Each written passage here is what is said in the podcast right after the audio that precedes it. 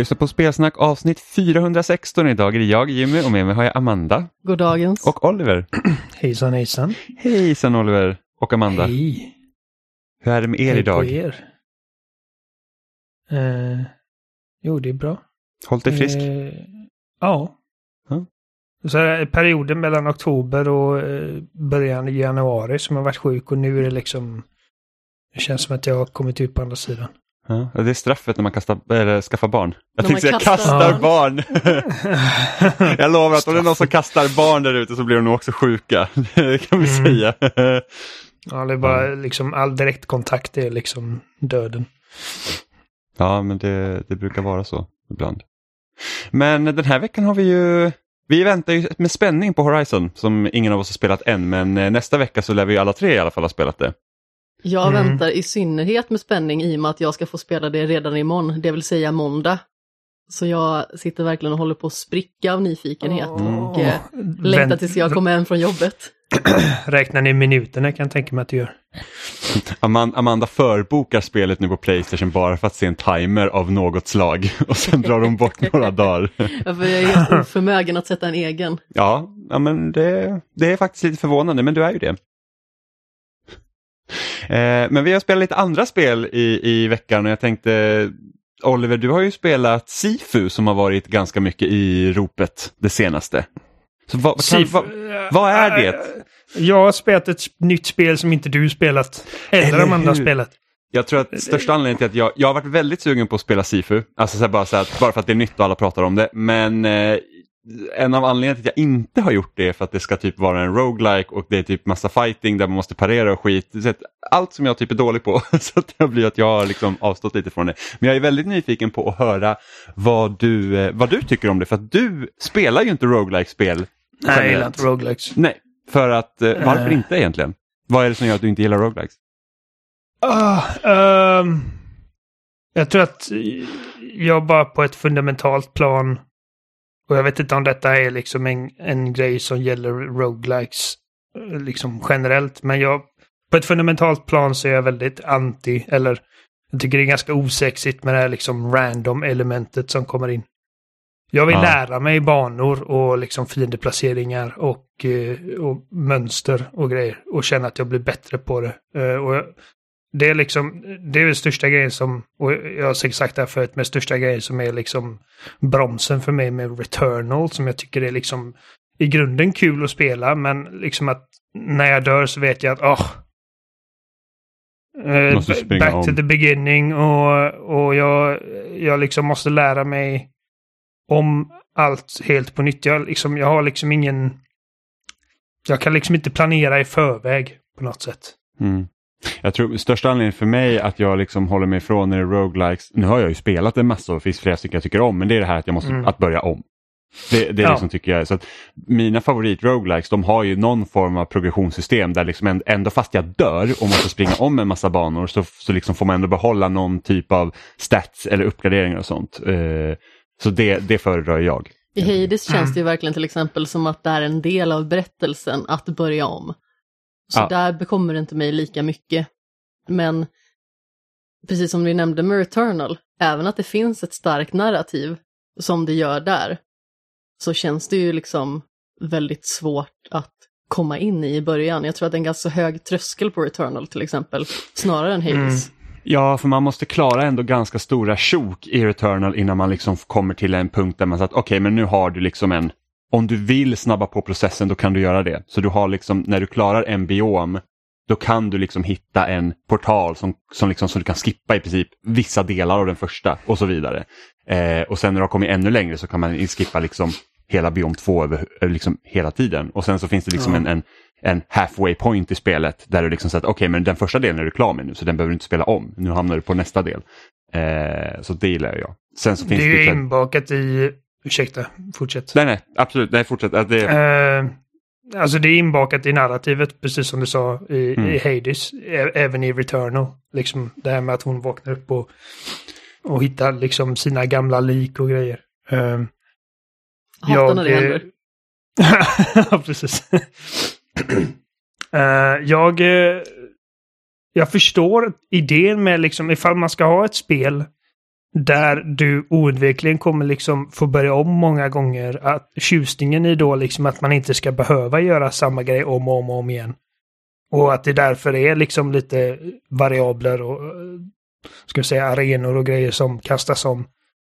Men ja, som sagt, det, det är där det, det spricker för mig. För att jag, jag har egentligen inga problem med repetition så länge det finns utrymme att liksom växa. Um, utan det Hur många jag, timmar hade du spelat Devil May Cry 4? Ja, och fem. Jag menar, alltså, usch. Gud. Jag har nog spelat... Alltså när jag jagade S-ranks på alla svårighetsgrader, Devil May Cry 5, alltså uppskattningsvis har jag nog spelat alla uppdrag i det spelet. Alltså 40 gånger. Um, och som sagt, så att, så att repetitionen stör mig inte uh, egentligen. Uh, Sifu, alltså, det är inte riktigt en roguelike. Lätt, ja, lätt för mig att säga för att jag har en så jävla lös uppfattning om vad en roguelike är. Men alltså när du har klarat första banan så kommer du inte behöva um, börja om från första banan. Alltså det är liksom, du kan välja. Du kan, du kan börja direkt på bana två då? Precis, så det finns fem banor i spelet. Och eh, när, du, när du har klarat den första så kan du... Du behöver aldrig göra om första om, om du inte vill. Eh, du kommer vilja göra det för att det finns smarta liksom, implementationer som gör att det blir fördelaktigt för dig. Um, men vi kan, vi kan börja med, alltså, så premissen är att du är... Jag tror inte, jag tror inte protagonisten har ett namn. Man får bara välja liksom könet på sin karaktär. Så antingen man är, är man liksom en, en snubbe eller en uh, jänta. Och uh, inledningsvis så får man se den här unga personen få sin pappa dödad av ett gäng av fem stycken skurkar. Lite så här Kill Bill-aktigt liksom att du har typ de här uh, The Deadly Five eller bla bla. Den uh, klyschan. Som ja. du sen ska arbeta dig igenom tills du kommer till the Big Bad för att du ska liksom få uträtta din hämnd. Och uh, det är liksom väldigt, alltså det är kung fu-orienterat så att du... det är som du säger, det är liksom mycket med pareringar och att man ska dodga och blockera, parera sig fram till, till framgång eller vad man ska säga. Um, och det, sånt älskar jag. Det, just det här liksom otroliga liksom precisionen i att nästan passivt besegra den här fienden. Det finns två olika sätt att besegra fiender på. Det är dels då liksom att bara slå dem tills deras hälsa försvinner. Det kan man göra. Men det effektivare sättet är att eh, liksom bryta deras posture precis som i Sekiro. Så hur likt Sekiro är det att slå? Alltså om du jämför känslan i det här och Sekiro? Det, det känns helt annorlunda. Alltså ah, okay. det här med liksom att man slåss med, med nävar istället för svärd. Du har liksom inte de här vet, clash av uh, stål som händer. Även om man kan plocka upp knivar och baseballträn och grejer. Men det känns helt annorlunda. Men det är på ett liksom konceptuellt plan väldigt likt. Eh, jag skulle säga att spelet påminner om någon sorts blandning mellan Sekiro, Deathloop Um, jag, hade, jag, hade, jag hade tre namn som jag skulle... Nu, nu har jag glömt vad det tredje var, men ja. Um, det är liksom... Det, det, man känner igen många av liksom inspirationskällorna i spelet. Samtidigt som att det lyckas liksom göra någonting helt unikt. För det, det, som spe, gör spelet helt unikt är um, hur döden fungerar i spelet. Mm. Um, så du, du börjar spelet, du är, du är 20 år gammal. Uh, och för varje gång du dör så går din death counter upp. Och då kommer du alltså när du respawnar, du kan alltså respawna precis på platsen där du dog. Så att det är liksom, det är inga checkpoints eller så, utan du dör och du reser dig upp. Ungefär som i Sekiro liksom, med att ah, du, du kan använda... Så, så, att, så att även om du dör och åldras så börjar du inte om banan? Precis, nej. Du bara reser dig precis där du, där du dog och alla fiender är fortfarande lika skadade som de var när du, när du dog. Mm. Eh, vilket gör att man kan liksom ofta verkligen typ, eh, eh, ska man säga, brute force sig fram. Vilket är, det funkar ibland men det är inte den bästa strategin om man säger så. Mm, ja, jag förstår. Så, så, så när, första gången man dör så, så blir man 21 år gammal. Så att, och, och liksom, I storyn så är det att du har liksom en talisman som, som gör dig odödlig. Så till den liksom mån att eh, du åldras varje gång du använder den. Så första gången du dör så har du dött en gång, då blir du 21. Nästa gång du dör så har du blivit liksom, eh, då har du dött två gånger och då blir det två år som läggs till. Och till slut, om vi säger att eh, du har dött sju gånger, så blir det att sju år läggs till. För varje tionde år. ehm, som Eh, du... Men går death counten upp med en varje gång? Är det så att när du är 21 då har du dött en gång och sen när du dör nästa gång så blir du 23? Nu ska vi se. Du blir 21 och då går din death counter upp med 1. Ja. Så nästa sen- gång du dör, då blir du 22 eftersom att din death counter är på 2. Men då har din death counter gått upp till 2 och då blir du 23 nästa gång. Ja, precis. Så, du Eh. ökar, så var, varje död ökar med ett år? Eh, varje död ökar med en death counter. Eh, så att om du, vi säger att du är 23 Mm. Och du har dött fyra gånger. Nästa gång du respawnar kommer du alltså vara 27. Ja, okej, så att du, du ökar med... Så, att, så då, då går det snabbare och snabbare att bli gammal så att säga? Precis. Ja. Eh, för var tionde år som du åldras, så när du är 30 exempelvis, då kommer en av de här små poletterna på den här talismanen försvinna. Eh, och egentligen, det, det är bara för att liksom sätta begränsningen på spelet att du inte kan bli äldre än 75 i princip. När du, när du har kommit över 70-tröskeln så kan du inte respawna igen. Nej. Och ju äldre du är, eh, din, din livmätare liksom blir lite, inte som i Dark, eh, Dark Souls 2 där den halveras, men liksom att vi säger typ att du eh, f- får 15% mindre liv. Eh, men du gör mer skada med dina, liksom, eh, med dina attacker också. Så vilken Ehm. ålder är the sweet spot så att säga? Alltså, det bästa är att hålla sig i 20-årsåldern. Ifall, ifall du kan springa igenom hela spelet eh, utan att passera 30, då är du liksom... Jag vill säga, om, vi, om, om, du kan, om du kan lyckas att komma till sista banan utan att passera 30 så är du liksom, då, då är du riktigt, riktigt bra till. Mm. Ehm, Hur Men- långt har du kommit? jag är på sista banan. Ja, okej, ja. Och jag, jag, har inte, jag har inte startat den än. Ehm, men jag har kommit till sista banan. och jag tror att första gången jag klarade första banan så, hade jag, så blev jag... Jag klarade första banan på 39 år gammal. Mm. Vilket gjorde ja liksom det, är, att det är ändå rätt så bra. Alltså jag har ju hört, alltså, jag har hört folk som har dött på typ, alltså klara för sista banan, de är typ 70 redan. Ja, jo, absolut. Det, för ett första försök är det helt okej. och Men sen är det liksom att när man kommer till andra banan, svårighetsgraden rampas upp lite för varje bana. Och eh, helt plötsligt så liksom är det 45-50. Eh, och eh, både, alltså skill treat är också att du, du har liksom varje gång du dör så får du chansen att köpa nya skills. Med XP som du får genom att döda fiender i princip. Uh, och uh, det finns uh, skills, de är uppdelade i åldersgrupper. Så att när du har passerat 40 så finns det en hel skillgrupp som du inte längre kan få tag på. Så att ju äldre du är desto mer begränsad är du. Så att alltså målet med spelet är att försöka hålla dig så ung som möjligt. Mm. Och ta sista Ehm, bossen då. Precis. Och första gången du... Och jag antar att det, när, där roguelike elementet kommer in i att första gången du spelar första banan så liksom måste du ta dig igenom hela banan. Eh, Men sen på nästa bana så kan du hitta en nyckel som öppnar upp en genväg på första banan. Som gör att du kan skippa halva banan. Och Mm. plötsligt har möjligheten att ta dig igenom den med en bättre ålder. Så första gången jag kom till andra banan så var jag 39. Och regeln i spelet är att du kan inte spela en bana eh, på en ålder som är yngre än första gången du... Eller, eller ja. Eh, det yngsta du var när du har kommit till banan.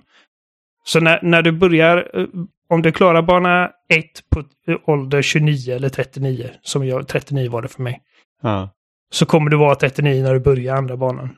Alltid. Däremot finns det, ja, fram tills du går tillbaka till första banan, som jag gjorde, och tog mig igenom banan eh, så att jag var 22. Och nu plötsligt kan du börja bana 2 på 22.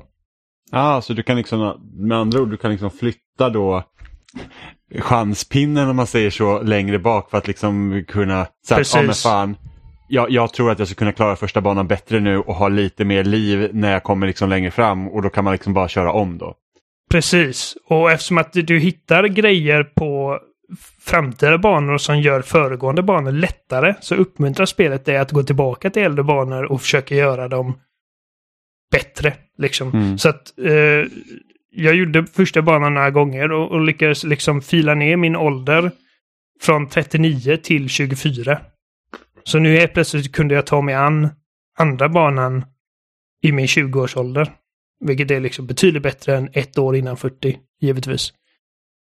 Uh, och det är det som är grejen. Alltså, första gången jag tog mig till tredje banan så var jag liksom alltså 57 eller något sånt där löjligt. Och det var, då vet jag liksom att okej, jag ska alltså klara, ifall jag inte gör om någon av banorna, så ska jag klara bana 3, 4, 5 utan att gå upp från 57 till 70. Liksom. Mm. Och det är inte, det är inte realistiskt um, ifall man inte är superbra på spelet. Hårt liv att komma in till slutbossen med rullator. Ja men det var Ja. bara så här dropp i ena armen och bara så här! Värt att nämnas där, alltså, din ålder påverkar inte alls liksom din hastighet eller eh, din fysiska förmåga. Ehm, det är som sagt, du får lite mindre liv men du, du, du gör också mer skada som sagt. Så att det är liksom en liten trade-off. Mm. Ehm, sen finns det också sätt att, eh, att dra ner din death counter. Så genom spe, eh, spelets banor så finns det fiender som är lite starkare än din genomsnittliga goon. Liksom att, som, som, eh, som tål lite mer stryk. Men när du har besegrat den så går du ner från ett, liksom, eh, du går ner en pinne på din death counter. Så säg att ehm, du har tre och så besegrar du den här snubben så har du plötsligt två. Eh, Så Ja. att du kan liksom bromsa din, ditt åldrande på så sätt. Ja. Ehm, Så det blir så här risk kan du- reward att här kommer starkare fiender men om jag lyckas ta den så är det liksom så är det inte lika stor bestraffning nästa gång jag dör. det handlar mer om eh, om jag lyckas besegra den här fienden utan att dö innan jag besegrar den här fienden. För att du kan inte undvika fiender. Alltså alla dörrar Nej. låst, eh, blir låsta fram tills du har dödat alla fiender. Du kan liksom inte smyga Ah, okej. förbi fiender. Ehm, Är det lite som Hotline Miami-varianten då att liksom alla fiender måste vara döda här ska innan dö. får gå vidare? Ja. Precis. Om de inte ger upp själva, för att det finns fiender som bara okej, okej, du har gjort din poäng när alla andra är döda liksom. Ja. Eh, kan du fortfarande döda dem då när de ger upp eller? ja, det kan du. Ehm, Okej. Och då, Men, får du, eh, då får du XP då med andra ord? Eller? Finns alltså det- oaggressiva fi- alltså fiender, eller NPCer ska man säga då, som inte utgör ett hot mot dig. Ja. Ehm, de går ofta ner på ett slag för att de har garden nere och de ger dig typ i princip ingenting. Så att Ja, det okej. finns, som jag förstår det finns det ingen mening med att banka ner folk som Förutom man inte är vill jävligt slåss. sur. Exakt. Men du kunde inte ha gett upp lite tidigare lilla as. Precis, men jag tror inte det, jag har inte stött på en NPC som inte går att slå ihjäl heller. Så att eh, om du vill banka ner allting så, så kör på. Ehm, ja, men så att det, alltså det är ett otroligt smart system som inte riktigt påminner om någonting annat jag spelat. Mm. Eh, och du ser din karaktär liksom åldras, hans skägg blir större och större, hans fläta blir längre och längre, hans hår blir gråare. Ehm, Och eh, alltså spelet är riktigt jävla bra. Ja, du, du gillar det alltså? Jag tycker det, det är skitbra verkligen. Jag skojade, jag pratade med Adam igår, sa att det är årets hittills bästa spel. Eh, Men jag har bara spelat ett nytt spel i år. Så Sen släpps ett va? Tough crowd! det, är samma sak, eh, det är samma sak jag funderar också. Jag har ju spelat några nya spel i år men typ så här, min favorit hittills är typ Olly Olly World och sen bara, men jag har ju typ inte spelat någonting. Så Nej. liksom... Nej, jag vet. Men, men det är riktigt jävla bra. Alltså. Det är, Men det kan ju vara bra så här, som en reminder, så här, typ att okej, Sifu, jag tycker Sifu är så pass bra att jag måste komma ihåg det när vi väl ska börja sammanfatta året, om man säger så. jo, det, lär, det lär jag göra. Jag vet inte Mm. hur högt det kommer stå sig i slutet av året med Elden Ring och God of War och, och de här liksom mastodonterna. Men alltså just nu har jag riktigt jävla trevligt med det. Det, det, det är inte bara liksom en mindless button masher. Inte bara för att striderna är liksom... eh, Man måste vara grymt koncentrerad och Jenny har sagt det till mig, min fru. Att eh, hon kan inte prata med mig när jag spelar Sifu. Liksom vanligtvis när jag typ spelar andra grejer så kan jag liksom ha en konversation med henne samtidigt. Men när jag spelar Sifu så är jag helt okontaktbar. Eh, bara för att man måste vara så liksom. Alltså det, det är som... Eh, ifall du släpper garden en sekund. Och det är även liksom med, med de typ klenaste fienderna. Ifall de är tre stycken och omringar dig. Eh, och du liksom tappar garden en sekund. Då, då ligger du risigt till alltså. Ehm, och det är svårt. Det är det absolut. Och jag såg att Mm. utvecklarna ska väl lägga till svårighetsgrader av något slag. Så att göra det lättare eller svårare tror jag. Ja, ja jag, jag, jag, jag har inte läst exakt vad han har sagt, men jag hörde något om det också. Och... Jag menar, varför inte? Ja, nej, men jag tänkte det för att jag är så här att om jag ska spela Sifu så bara, jag måste, då måste jag verkligen känna att jag har den tiden att investera i det till att bli bra så det inte blir bara att man hoppar in och sen så bara fan jag får stryk och sen ger man upp liksom. Nej. Nej, men det är alltså... Jag tycker, jag tycker ändå svårighetsgraden är ganska väl avvägd. För jag känner inte att jag har inte kommit till någon sån här liksom riktig... Uh, ska man säga? Sån här enorm tröskel. Liksom. Mm. Eh, typ varit Genichiro in- i Sekiro. Liksom. Nej, Man bara- precis. Eller för mig var det Lady Butterf- Butterfly, var första bossen. Ja. Ja men du tog henne så pass tidigt. Det gjorde Ja. inte jag. Jag hoppade in i den där eldgrejen och sen så bara, nej men här kanske jag inte ska vara nu. Så gick jag vidare och sen så återgick jag till Lady Butterfly efter Genichiro och då tog jag henne ganska enkelt. Ja, då, då är det inga problem. Mm. Ehm, nej, men alltså, liksom... Varje bana avslutas ju med liksom en boss. Ehm, Mm. Och jag tror att den andra bossen kan vara det närmsta vi kommer till liksom det här spelet Gascoigne eller whatever. Uh, Mm. Det där är liksom, okej, det här är a change of pace. För att inte bara...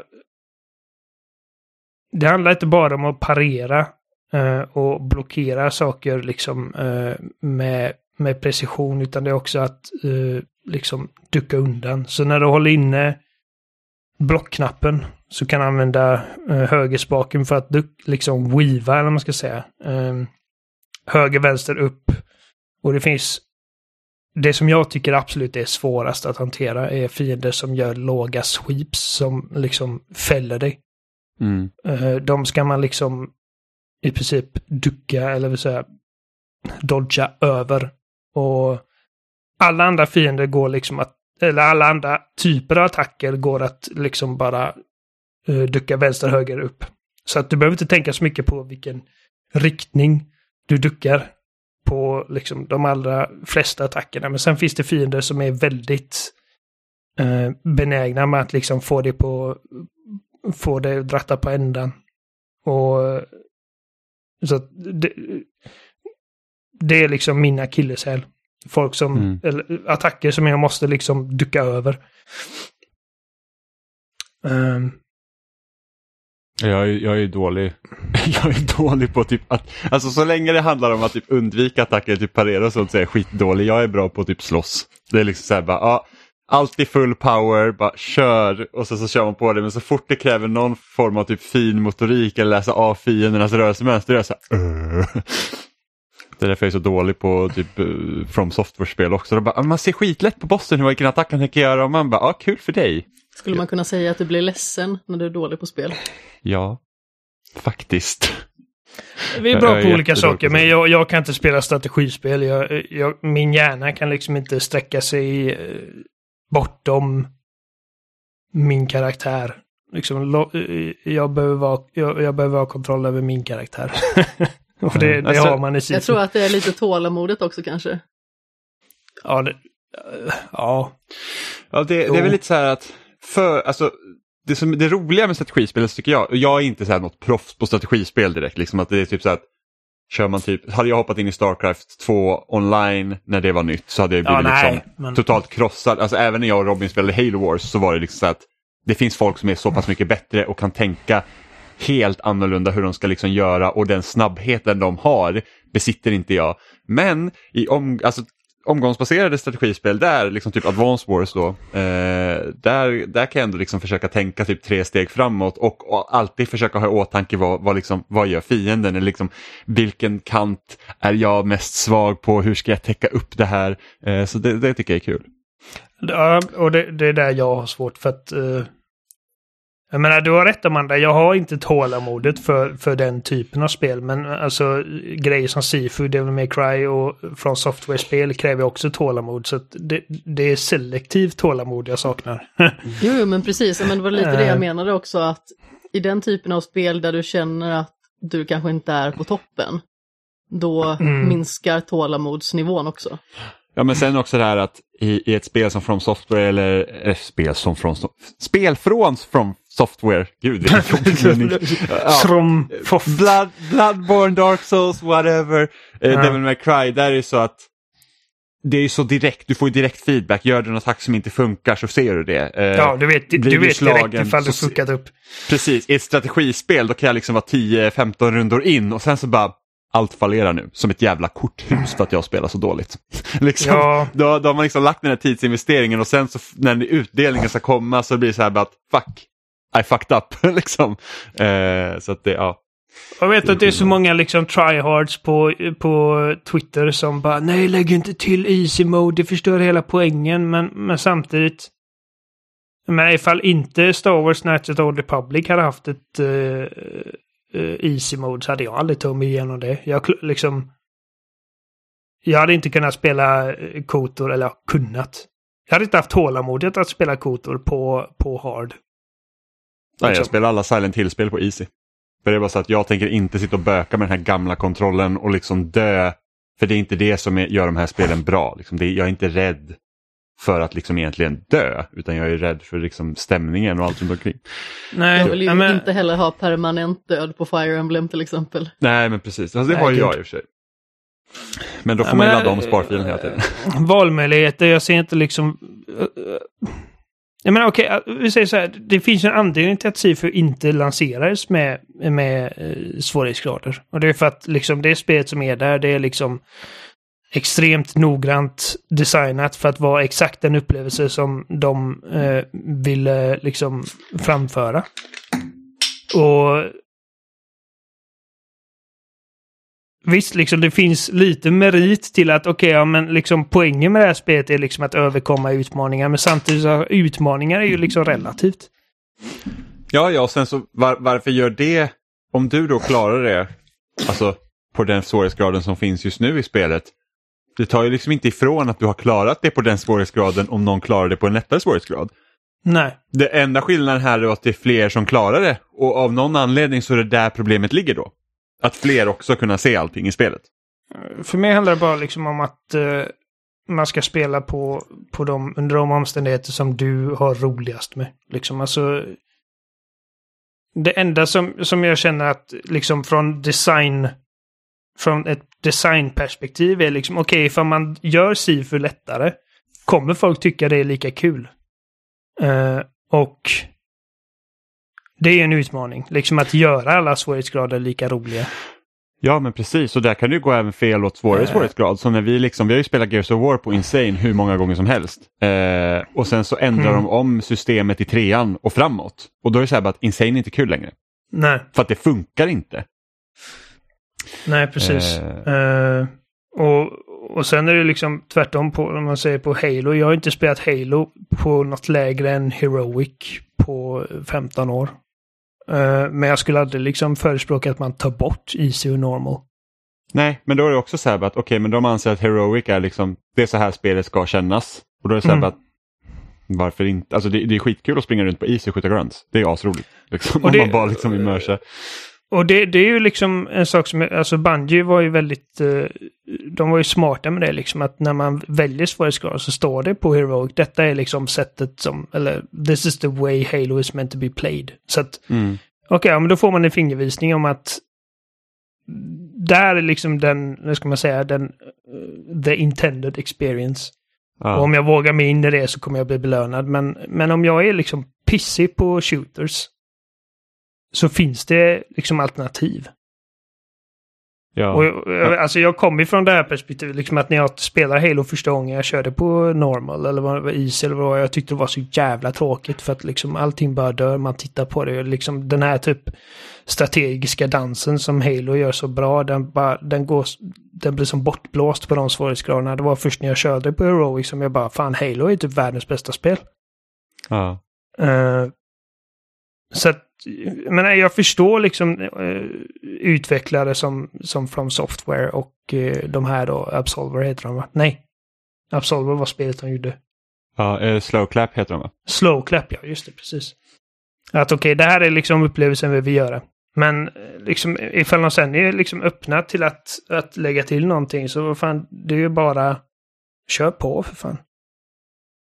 Ja. Nej, men jag hade ju en diskussion när Sekiro var nytt, liksom också, för det, det, det kommer ju också komma med Elden Ring, om spelet ska ha liksom, eh, eh, mer justerbar svårighetsgrad. Och då var det så här att, nej men då, då var också det här, möttes jag av argumentet att nej men jag hade inte känt att det var lika värt om jag vet att andra folk kan klara det på lättare svårighetsgrad. Men då är det så här bara att okej, men då är ju det faktiskt enbart ditt problem. Vad har andra människor med dig att göra? Ja, men då är det så här, då är det bara ditt problem. Mm. Så enkelt är det ju bara. Det är liksom, då, är det, då, då får ju du se till då, jag vet inte om du behöver ha bättre självkänsla om dig själv eller vad, vad det nu kan vara som Men gör att det du är måste något känna dig... psykologiskt. eh, Ja. För att det, det är liksom bara så att då, då, är det, då är ju det ditt problem liksom. Lås in dig i en källare och spela helt för dig själv. För det var ju, gardinerna fördragna. för det var ju som nu när Sifu också när utvecklingen gick ut så att de skulle liksom eh, justera svårighetsgraden då så att man kan liksom välja. Och då var det någon som hade tweetat bara ah, game journalism mode typ. Och man bara, alltså du ser väl recensionerna som har kommit ut. Alla de är speljournalister och spelet har fått bra betyg. Liksom, vad vad är det här liksom? Att man liksom att då har du liksom några personer, de liksom nördar in sig på en grej och då ska de vara skitbra på det och går inte alla upp till Ja. den standarden då, då är man liksom en hack av något slag. Och det är så här bara, alltså speljournalister måste liksom spela, alltså typ tio Allt. spel i månaden. Ja. Och helst vara liksom bra på alla dem då. Det är liksom helt orimligt. Den Sen där det såklart- eh, han förstörde allt. Ja, ja, men sen, sen, sen, sen så, alltså typ, och Polygon släppte någon eh, video när de spelade Doom Eternal Doom. och såg liksom, ja. alltså det såg jättedumt ut. Men det är Det såg ut som att kontrollen var trasig. ja, men det, det, det kan mycket väl ha varit så. eller liksom, var, ja. eller liksom vad som helst. Men det är så här att, alltså okej, det kanske inte är kul att se på någon som spelar dåligt då, men det är så här att, alltså, vad, vad spelar det för roll? Kolla här, när jag lyckades ta S-rank på alla svårighetsgrader i Devil May Cry så kände jag mig som kung över världen. Och det, det liksom gör mig ingenting om att det finns folk som bara spelat det på Easy. Liksom. Nej, nej men exakt. Eller typ Det- så här. Vi har klarat liksom Halo på Legendary Solo. Och det är så här bara att ah, jag önskar att det bara var Legendary Solo. Bort med co-op, bort med svårighetsgrader för att jag kan klara det här på Legendary. Mm. Det är helt absurt. Ja. ja men kul att du gillar Sifu i alla fall. Ja, det är kanon. Det, det är skitsmart, verkligen. Mm. Ja, jag, får se om, jag får se om jag dyker in i det kanske till sommaren eller någonting sånt. För att Mm. just den här veckan eh, blir det nog inget Sifu-spelande och sen kommer Horizon och sen kommer Elden Ring. Så att eh, tajt schema om man säger så. Ja, det, det, händer mycket nu. Mm. Eh, ska du vara kvar ett litet tag till Oliver eller behöver du sticka? Uh, efter, det har bara gått en halvtimme så vi, vi kör på en stund till. Ja, ja men vad bra. Eh, för då tänkte vi också, Nintendo hade ju sin första direkt i år. Eh, där de visade upp en hel del spel. Och jag undrar lite vad, vad ni, vad, hur känner ni för de utannonseringar som vi fick? Som till exempel ett nytt Mario Strikers, Mario Fotboll. Har jag sett fram emot väldigt länge. Eh, ett nytt eh, Wii Sports som numera går under Nintendo Switch Sports. Xenoblade 3. Mer DLC till Mario Kart 8. Eh, Kirby fick en ny trailer. Square Enix släpper också ett gammalt JRPG som heter jag vet inte hur man uttalar, om man säger Live Alive eller Live Alive eller hur man ska uttala det här namnet. Men det är någon så här JRPG från 94 som aldrig sett utanför Japan som görs om i den här typ HD 2D-grejen som de kallar det. Och sen så har vi då ett eh, Fire Emblem Warriors 3 Hope som är egentligen de stora grejerna som utannonserades. Eh, och jag undrar om det är någonting här som ni känner så här att ja, det där ser kul ut. Det är snarare vad har jag för känslor för det som inte utannonserades. Jaså Amanda, vad förklara dig? Jag satt och väntade hela direkten på att det skulle komma ett nytt Fire Emblem. Och sedan så såg jag karaktärerna från Three Houses och så visade det sig att det är ett Warrior-spel. Jag ville ju bara ha ett nytt riktigt Fire Emblem. Jag blev så besviken. Ja, speciellt också när det kom, det har ju varit rykten om att de ska släppa typ eh, Path of Radiance och Radiant Dawn i, ett, i, i en paket liksom. Eh, till Switch. Vilket jag hade sett väldigt mycket fram emot. Ja, men det hade varit fantastiskt för de vill jag jättegärna spela. Men ett nytt hade liksom varit på sin plats att börja utannonsera känner jag. Det är ändå tre år sedan snart som Three Houses släpptes. Så det känns som att ja, men, det börjar kunna vara på gång i alla fall.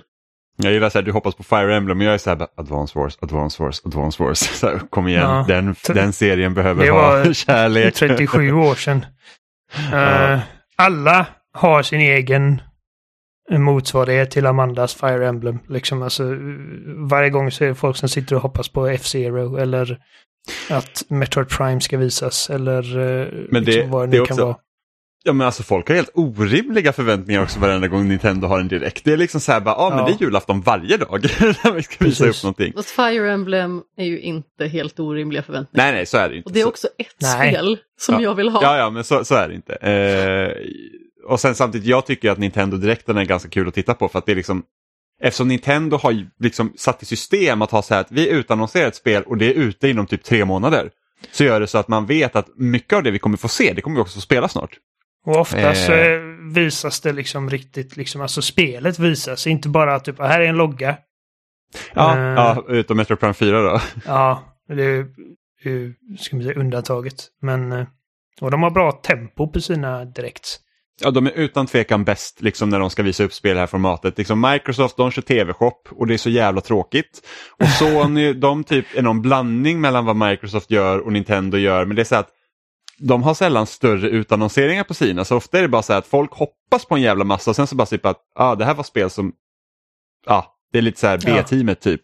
Eh, så det blir så att det är lite tråkigt att titta på ibland. Eh, men Nintendo har verkligen, deras formel är verkligen den är verkligen jättebra. Eh, och just det att de här, så här högt uppsatta personerna inom Nintendo bara gör så jävla fåniga saker också. Det tycker jag är ganska Mm. fascinerande. Eh, jag kommer aldrig glömma bort, ja men jag kommer aldrig glömma bort typ när det var ganska tidigt i Nintendo Direkt-historien när Iwata står liksom i ett, ja, ett kontor och han liksom stirrar in i kameran och bara typ lyfter upp en banan. För att då var det någonting om Donkey Kong. Liksom. Och det var så här, what? Han är liksom vd för företaget.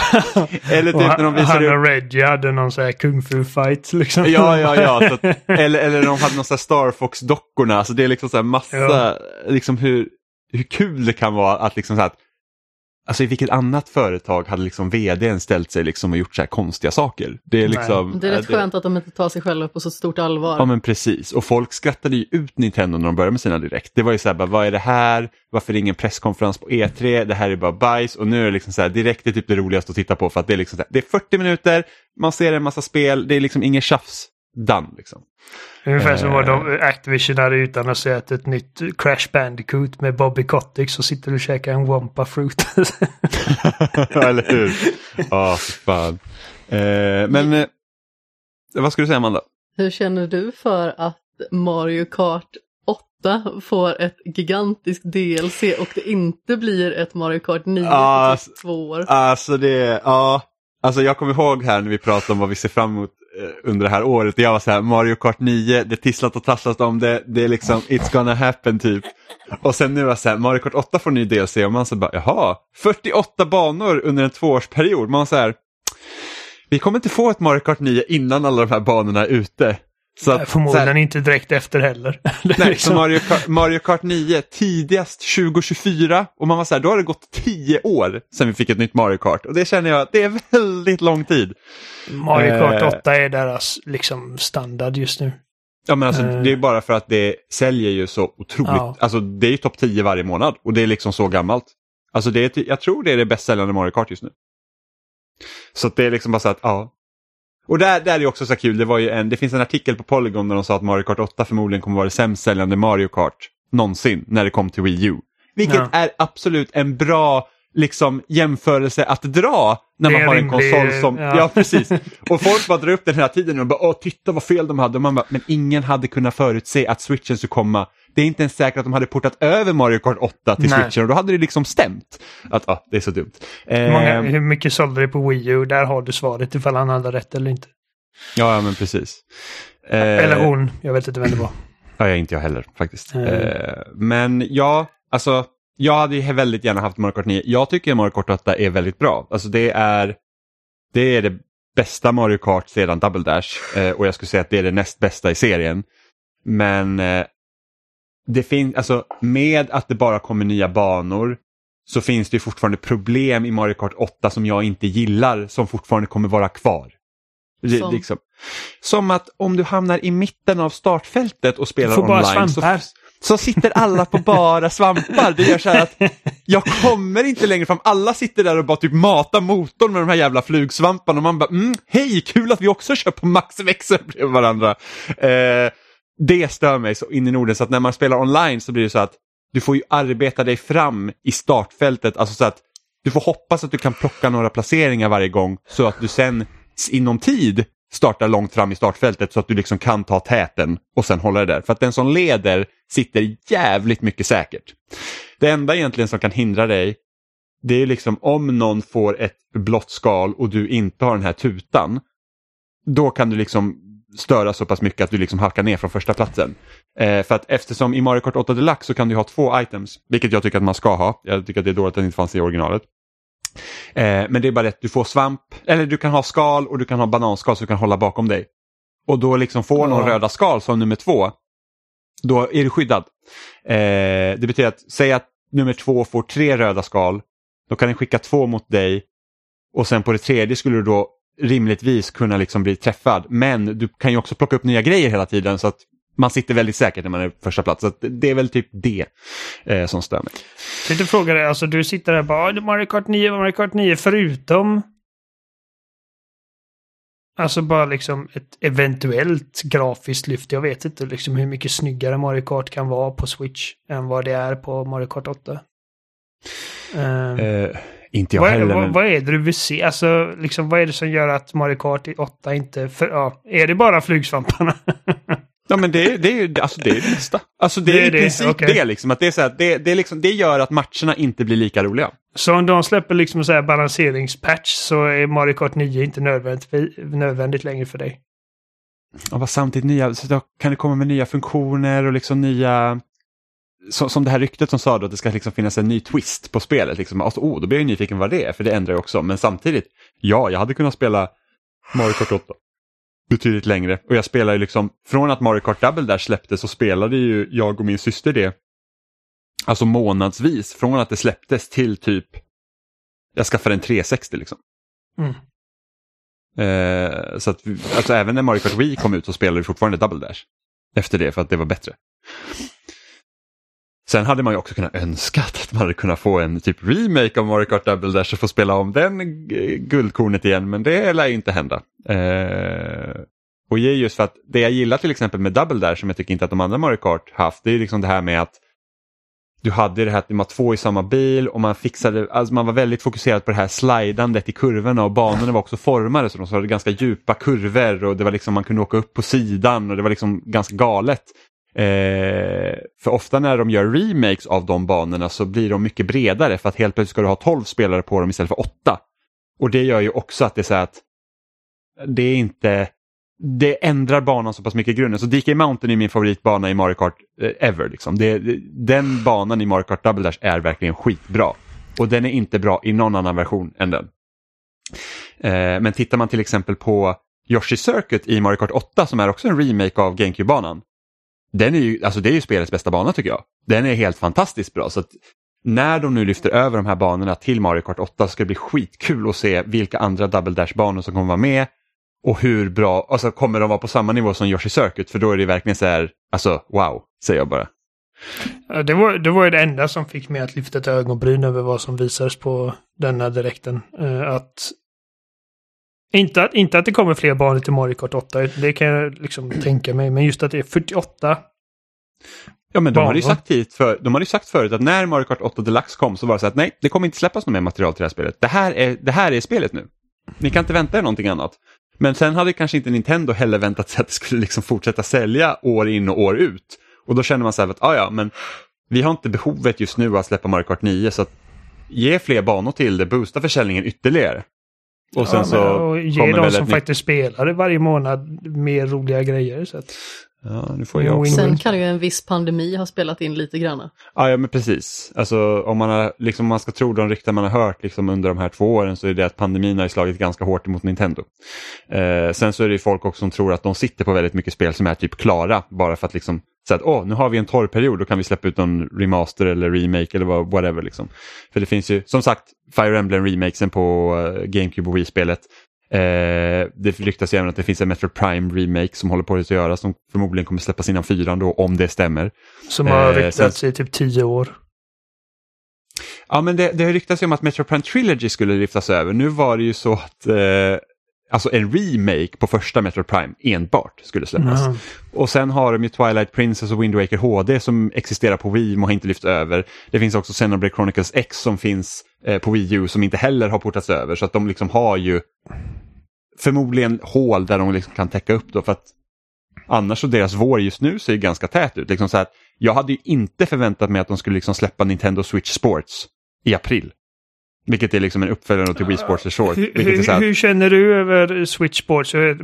Wii Sports är ju typ bland det bästa du vet. jag älskar Wii Sports, tycker det är helt fenomenalt. Eh, alltså jag, jag tycker ju, alltså jag kommer vara pepp. Eh, definitivt på, på ett eh, Switch Sports. Jag vet inte vad de har gjort. Alltså, Mina är borta och så ser det ut som så här generisk avatar istället, vilket är så här att okej, det är väl fine. Men jag tycker nog att det är bara sex sporter varav den ena är tennis och den andra är badminton. Då känner jag så här att jag kan inte ha släppt någonting liksom som var lite mer annorlunda och golf ska först komma till hösten och golf är det roligaste. Så att det är också så här, mm, Nintendo Switch Ja. Sports med tennis, badminton, pingis, uh, racquetball. Ja, precis. Paddel. Nej, men vad var det? Var badminton, bowling, tennis, eh, det här svärd, eh, man slåss med svärd, eh, som jag inte minns vad det heter. Och sen var det en, Fäktning. ja, f- typ, ja, fäktning ja. Men det var inte, det är inte riktigt fettning, fä, fettning, fäktning. Det är, eh, man har typ sådana här tre, tre trästickor typ som man slår med varandra. Så står man på en rund, på en rund plattform. Eh, det, heter, det är något japanskt namn på det tror jag. Och sen var det en sjätte, det ska vara sex sporter, nu minns inte jag vad den andra är. Eh, fotboll. Fotboll var det, så var det, precis. Eh, och det är Alltså, liksom, eh, det- jag tittar på trailern nu, det är första gången jag- ser den. Um, oh, man, man sätter en joycon på låret. om man vill. Eh, alltså jag har inte betalat mer än 200 spänn för detta. Tro mig att de kommer ta 600 spänn för det där. Ja, ja definitivt. Men, men Ja. alltså, det är liksom, det ser ut som att det har hänt så mycket med tennisspelet exempelvis sen första. Det ser inte ut som att Nej. du rör karaktären exempelvis, utan du bara Nej, jag tror- jag- svingar jag- för att... Ja, jag tror att du bara svingar i, i både tennis och badminton. Eh, men som sagt, jag älskar första Wii Sports och det är så att bowlingen och golfen är det som har varit roligast. Eh, och att golfen först ska släppas till höst, det är också lite tråkigt när Nintendo har liksom sin strategi när det kommer till deras spel ska leva lite längre, att de släpps, när spelen släpps så är de faktiskt lite bare bones. Alltså typ Mario Golf, eh, Mario Party, det är liksom väldigt lite där och sen så kommer det uppdateringar efterhand. Eh, jag hade ju gärna sett att golfen var där från början eftersom vi spelar ändå så pass mycket att det blir så här att okej, men när jag köper Switch Sports då, då spelar man det då. Sen kanske inte jag har någon lust att hoppa in för golfen liksom om typ ett halvår. Så att det, tycker jag är lite tråkigt. det jag har varit intresserad av att se ifall, ifall Amanda är liksom mycket bättre än dig på bowling i det spelet. Eller om liksom alltså, kunskap av riktig bowling inte har någon påverkan på spelet. Jag skulle nog säga att Jimmy är bättre på Wii Bowling. Alltså, man kunde ju typ kisa systemet i Wii Sports. Så att jag kommer fortfarande ihåg hur man skulle få strike på varenda eh, slag. Man går längst till höger, sen trycker man på eh, styrkorset tre steg till vänster, vinklar kontrollen så att den är liksom helt på snedden så att liksom knapparna pekar alla åt vänster. Och sen så gör man ett litet knyck i handleden och då får man strike. Nio Mm. gånger av tio, så jag har ju fått 300 i Wii Sports Bowling, som är maxpoängen då. Eh, men inte att förglömma att när det kommer till sån här eh, spel med rörelsekontroller om det är gjort bra är det att har man en viss förkunskap så kan det vara till fördel. Jag vet inte om det gäller då i bowlingen, men jag lyckades aldrig vinna över min pappa i Wii Play biljard. För, att han, han, för honom så var det så att det här är typ som att spela på riktigt kände han. Och jag var Mhm. så här, "Eh, jag är skitdålig på, på biljard. Och jag, jag lyckades aldrig vinna.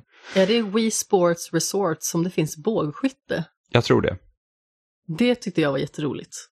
Mm. Och där kommer, jag, där kommer jag också sätta till kritik mot Switch Sports. Det är det att Wii Sports Resort hade ju typ hur mycket sporter som helst. Så att det känns ju här verkligen som ett steg tillbaka. Ja, nej, jag, jag vet inte. Eh, här, det känns som en... Bara när jag tittar på det så ser det ut som en ganska billig samling minispel i princip. Alltså jag, jag blev aspepp när jag såg det. Jag bara wow. Jo, jag, ja. jag var verkligen så här, åh gud. Men jag, Eh, jag tyckte inte Wii aldrig Sports några var rosa kul. glasögon på sig. Men Wii Sports är asroligt. Jag tyckte inte ens Wii Sports var kul när det var nytt liksom. För att alltså, eh, jag, jag kände att... Jag vet inte, när man väl fick liksom testa det själv och såg liksom hur... Jag bara tyckte det kändes väldigt begränsat och självspelande i många fall. Och... Eh, Mm. Men jag, jag har inte spelat något. Resort spelade aldrig exempelvis. Så att eh, jag vet inte om liksom eh, lite mer avancerade motion controls liksom eh, gör det mycket roligare eller inte. Eh, Det hjälper till viss del. Jag kommer ihåg att, för man hade ju Wii Motion Plus i Resort och det hade man inte i originalet. Och det gjorde ju typ att både bowlingen och golfen då som jag tyckte var roligast fick en lite annan feeling till sig. Mm. Eftersom det gick, eftersom det, det var mer liksom one-to-one än att man knyckte med handleden. Eh, så där får man ju lära om sig. Men alltså vi, vi spelade i hundratals timmar hemma hos mig, liksom, och till och med pappa som egentligen aldrig spelar. Han kom ju upp sig efter jobbet, han bara, "Ja, men ska vi, ska vi dra en golfrunda liksom? Ja, Eh, det, det är det absolut, alltså det största liksom, eh, hur ska man säga, eh, bedriften med Wii Sports är att det fick alla att spela tv-spel plötsligt. Ja. Eh, mina Ja, föräldrar det var- tyckte det var kul också. Så att, Ja, men för att det är så enkelt att förstå. Ja. Min pappas absolut största videospelsbedrift, eller dataspelsbedrift snarare, var när jag spelade det här ringaren Notre Dame-spelet på CD-ROM. Och han och jag spelade Jali bowling mot varandra. Då ställde man upp den här geten och så var det några byfånar som var käglor har jag för mig.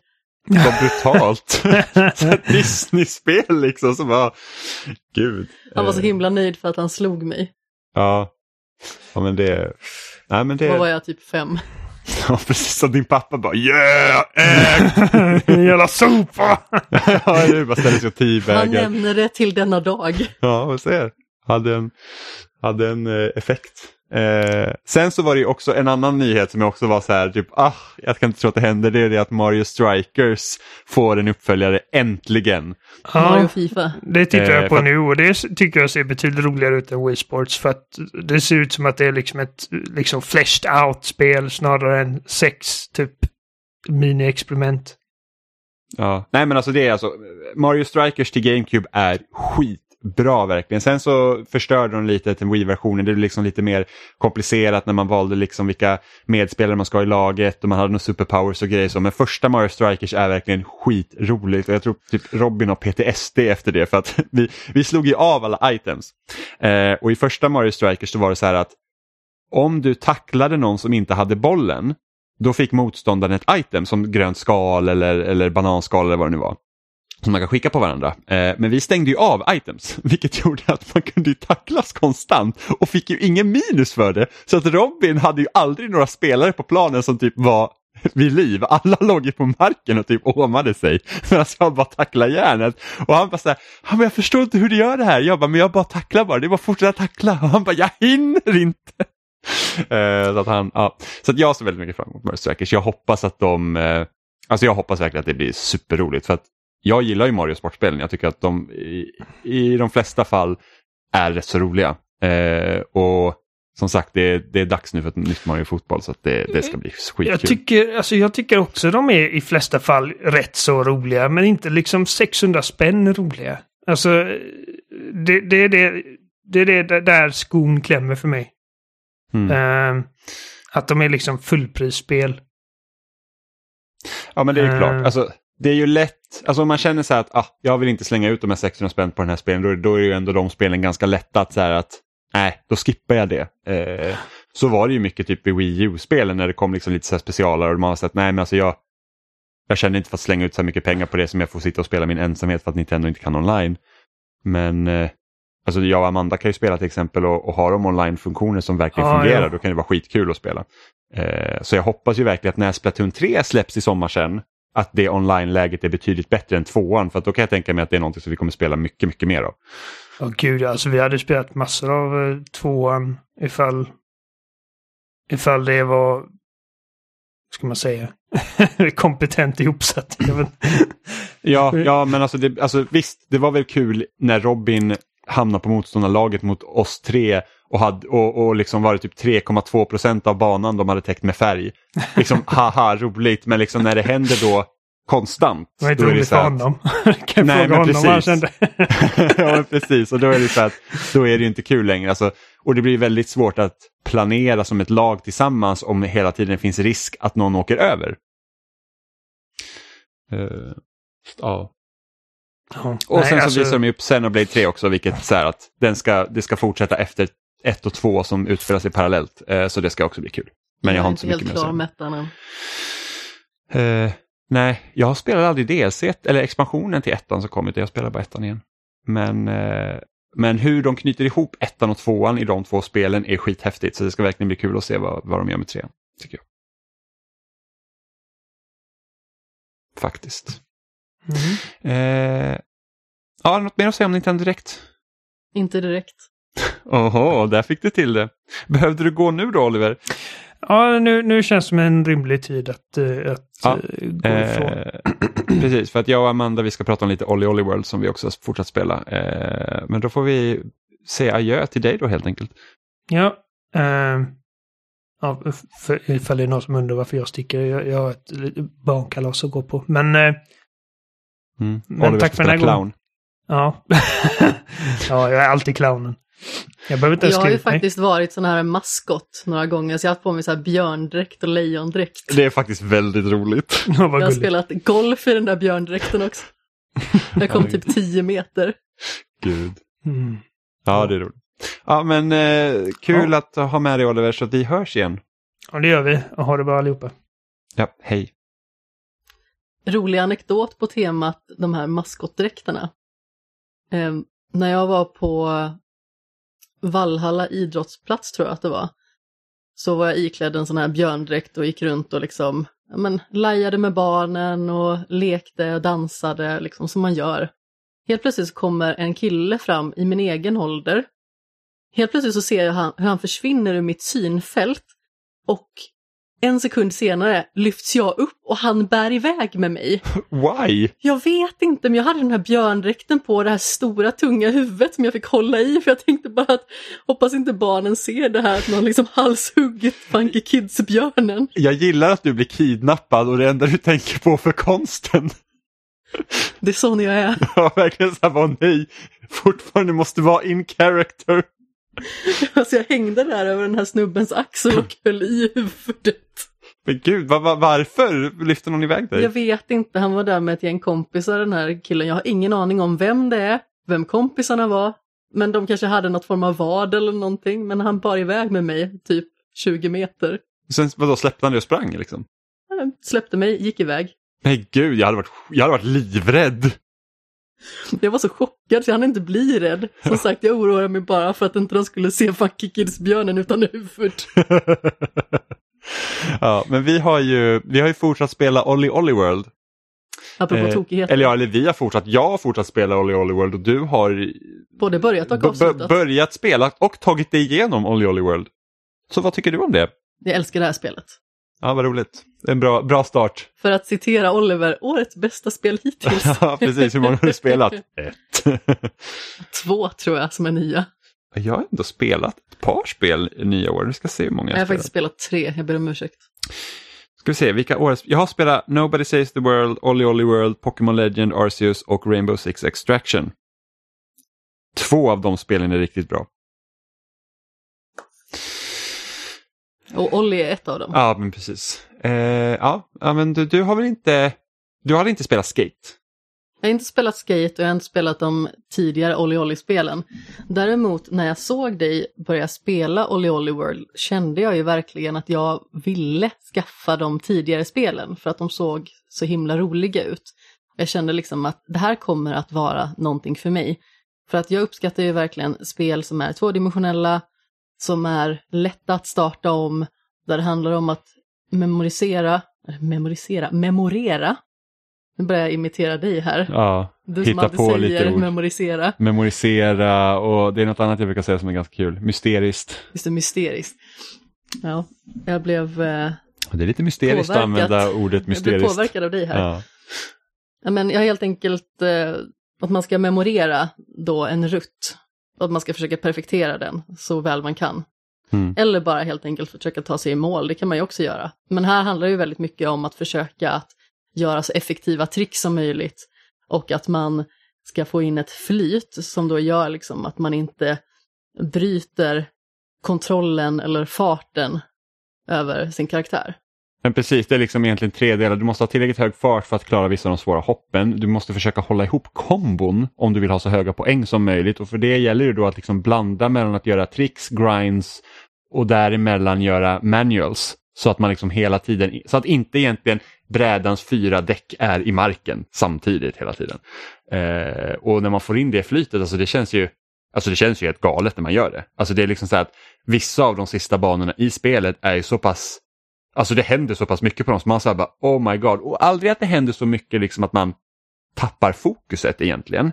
Eh, utan det är liksom ändå ganska väl, när man spelar om dem många gånger så liksom får man in det här flytet och man känner liksom igen banan. Att man vet ungefär att okej men när jag kommer till den här punkten av banan då vet jag att jag kanske får hålla igen lite på trixandet så att jag inte tappar fart. Eller att jag vet att jag behöver det kommer vara en plattform här i mitten som inte har en grindrail på sig, behöver göra en manual och man kan bara göra tre manualer på rad eh, utan att ha grindat, annars kommer man liksom att tappa balansen och liksom slå med brädan i marken.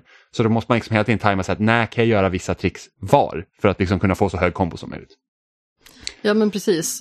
Och när jag började spela det här så kunde jag absolut inte tänka mig att jag skulle kunna skapa så många tricks och klara av så mycket kombinerat arbete. Var du betydligt bättre på det här spelet än vad jag är? Nej, Jo det är du. För det var så himla roligt där.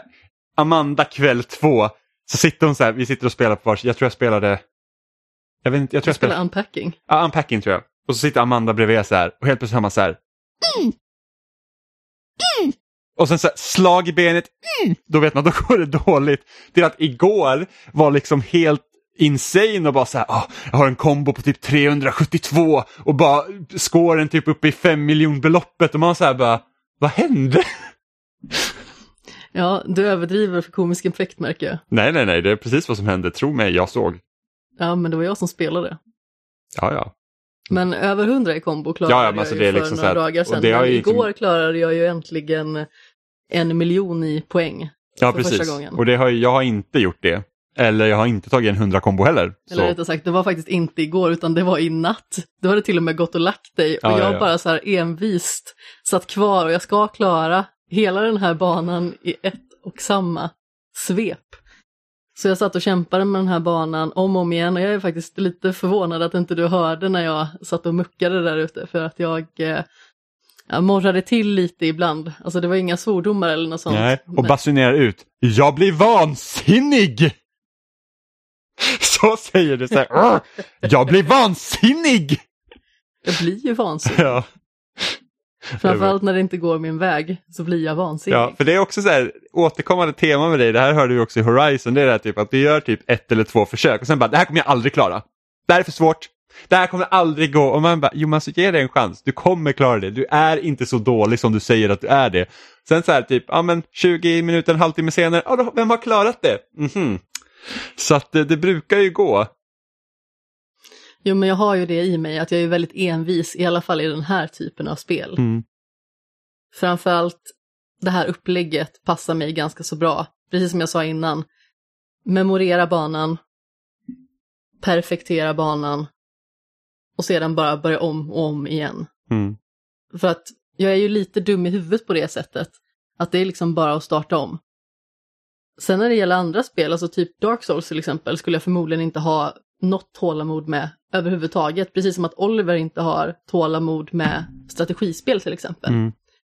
Men den här typen av spel, där känner jag liksom att det är bara att mata. Till slut så sitter det och även om det bara är tur så kommer det förmodligen att sitta. Mm. Men jag tror det, det är väldigt som är mycket i typ så Olly Olly World eller ta så ett plattformsspel som Super Meat Boy. Där är det väldigt mycket som sitter i den egna förmågan.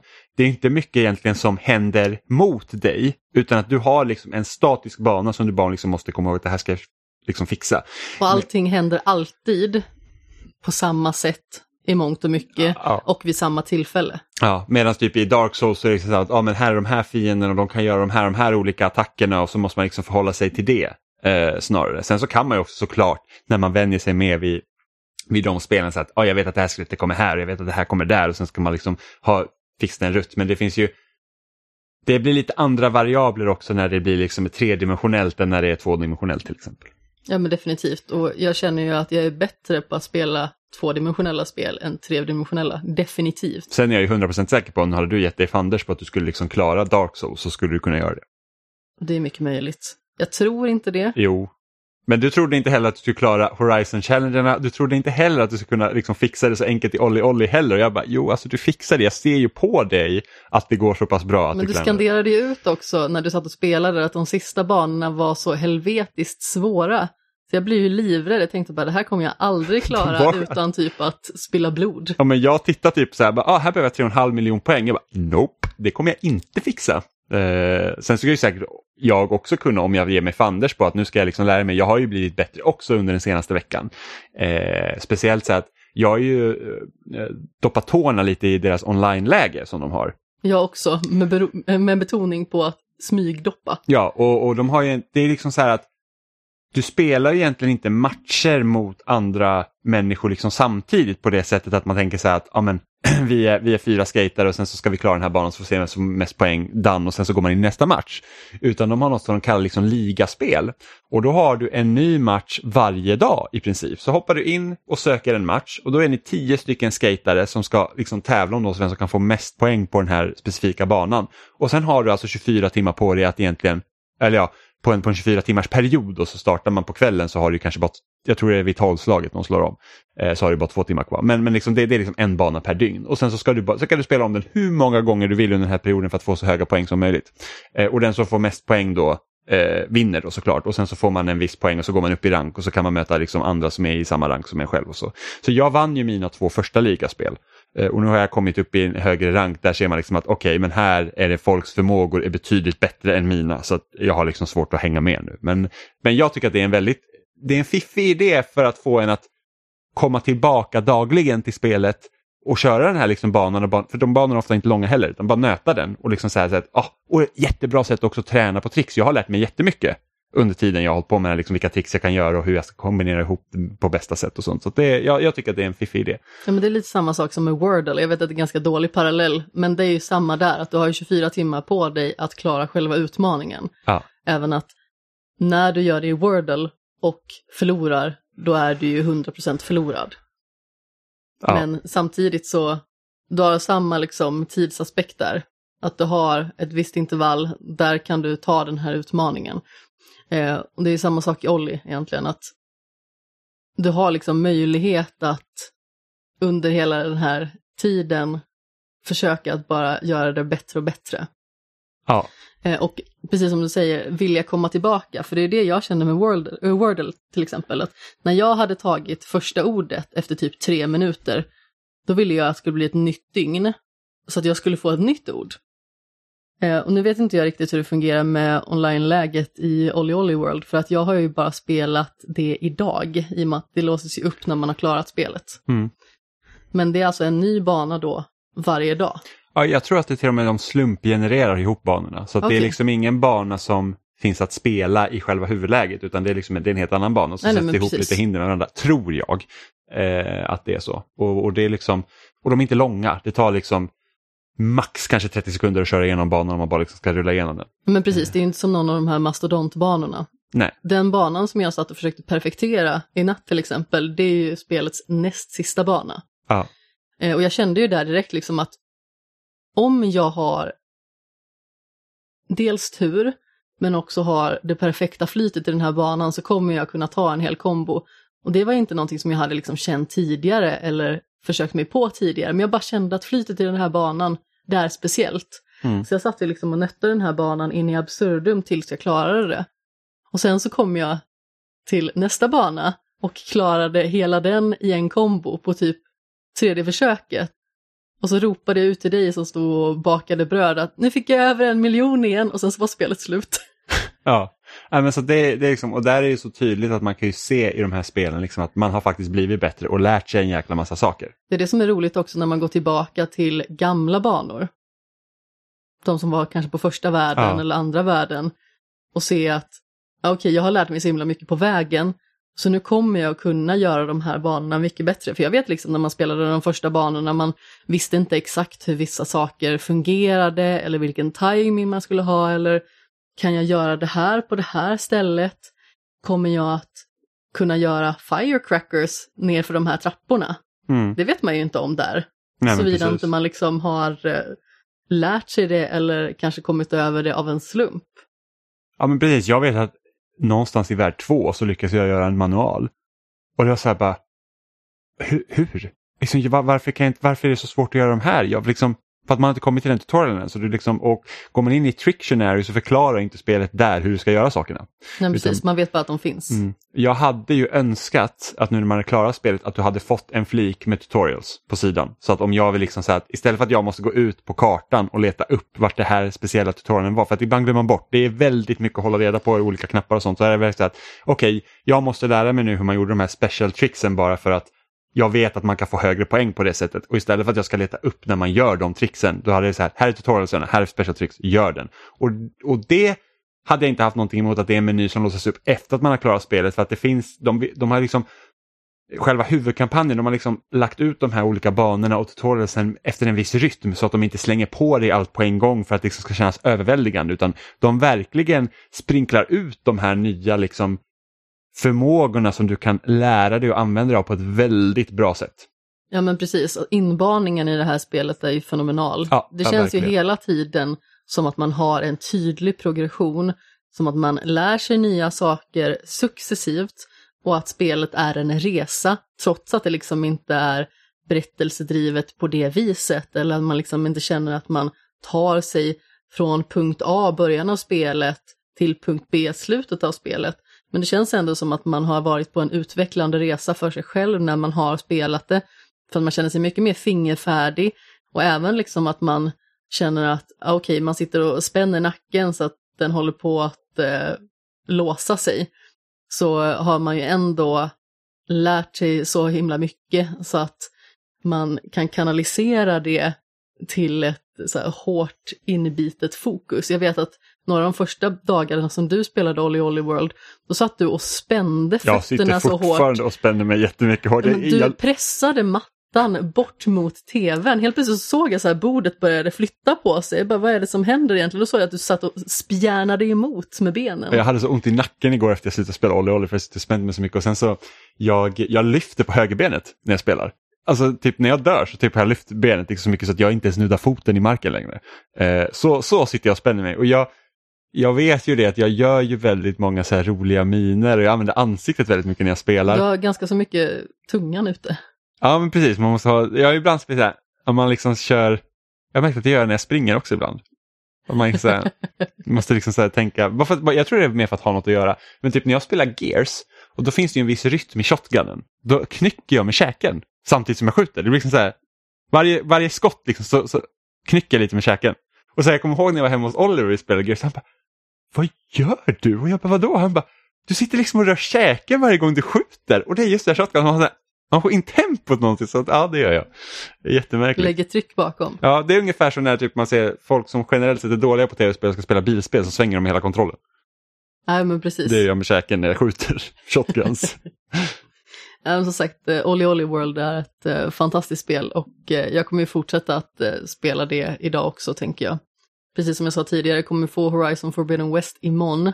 Så jag är väldigt spänd på den upplevelsen. Men eh, jag måste verkligen säga att jag har mina aningar i alla fall om att Olly Olly World i alla fall kommer att hålla sig någorlunda där uppe i toppen genom det här spelåret. För att jag har haft så otroligt roligt med det. Och det är ett sånt här spel som är väldigt svårt att lägga ifrån sig. För att jag känner liksom att jag vill bara ha mer. Mm. Sen så ibland så kommer man till en punkt, precis som jag gjorde med någon bana igår, liksom, när det brann till i huvudet egentligen. Jag när blir vansinnig. Ja men precis, jag blir vansinnig. Och eh, då gick jag och gjorde mig i ordning lite, drack lite vatten och bara laddade om hjärnan lite. För ibland så känns det som att man nästan stirrar sig blind så pass mycket att det bara låser sig.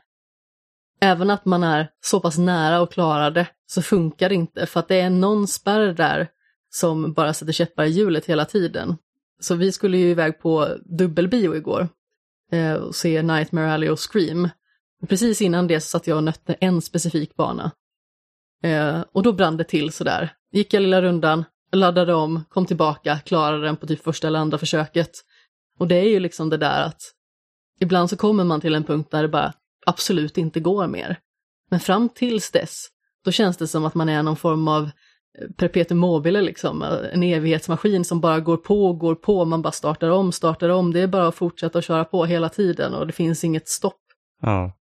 Och sen så kommer liksom det där man bara så här bryter ihop egentligen bara måste lämna spelet. Ja, men det är så. Jag vet att när Mario Kart Wii var nytt då hade jag en eh, så här, eh, time trial turnering på gamla Nintendo-forumet.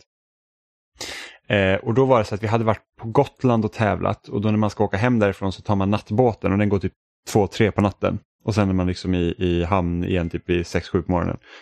Eh, och så kom vi hem då och istället liksom för att jag gick och la mig så sa jag att ah, men nu ska jag nöta den här banan i Mario Kart Wii. Liksom. Eh, och körde och körde och körde och bara lyckades inte skala bort några sekunder överhuvudtaget och liksom satt säkert i, i, i tre, fyra timmar. Och sen var klockan så pass mycket, och så, ah, men då var det bara att gå ut i stallet, fixa hästarna, eh, liksom bara ta en paus från spelet. Första försöket när jag kom in igen och kunde sätta mig med Mario Kart klarade jag Liksom, jag rensade mitt rekord med typ fem sekunder. Liksom. Eh, så det, ja. Men det är ju någonting som också är applicerbart på väldigt många olika situationer. Problemlösning till exempel, oavsett om det är pusselspel eller om det är matematik så finns det liksom sådana grejer där man bara låser sig och man ser inga överhuvudtaget strukturer, utan man ser liksom bara problem och ingen lösning. Eh, jag vet jättetydligt en gång när jag satt på ett matteprov. Eh, och jag är inte ett mattesnille, definitivt inte. Jag hade mycket problem med det när man liksom kom upp i så här sexan, sjuan först.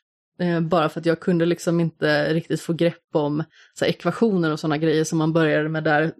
När det liksom gällde typ tabellräkning så gick det ju fort som attan. Men det är ju liksom bara för att det är att memorera. Eh, men då i alla fall så hade vi typ det sista talet på hela provet som jag satt med typ halva lektionstiden. Halva provtiden. Allt annat var jag klar med. Och jag kunde inte för mitt liv komma på vad lösningen var. Nej. Jag stirrade mig så blind på det. Och så vaknade jag mitt i natten efter det här provet. Och då slog det mig vad lösningen var. Jag skrev ner det och lämnade till min lärare dagen efter. Jag bara, jag vet att jag inte kommer få någon poäng på det här, men det här är svaret. Ja, det var roligt.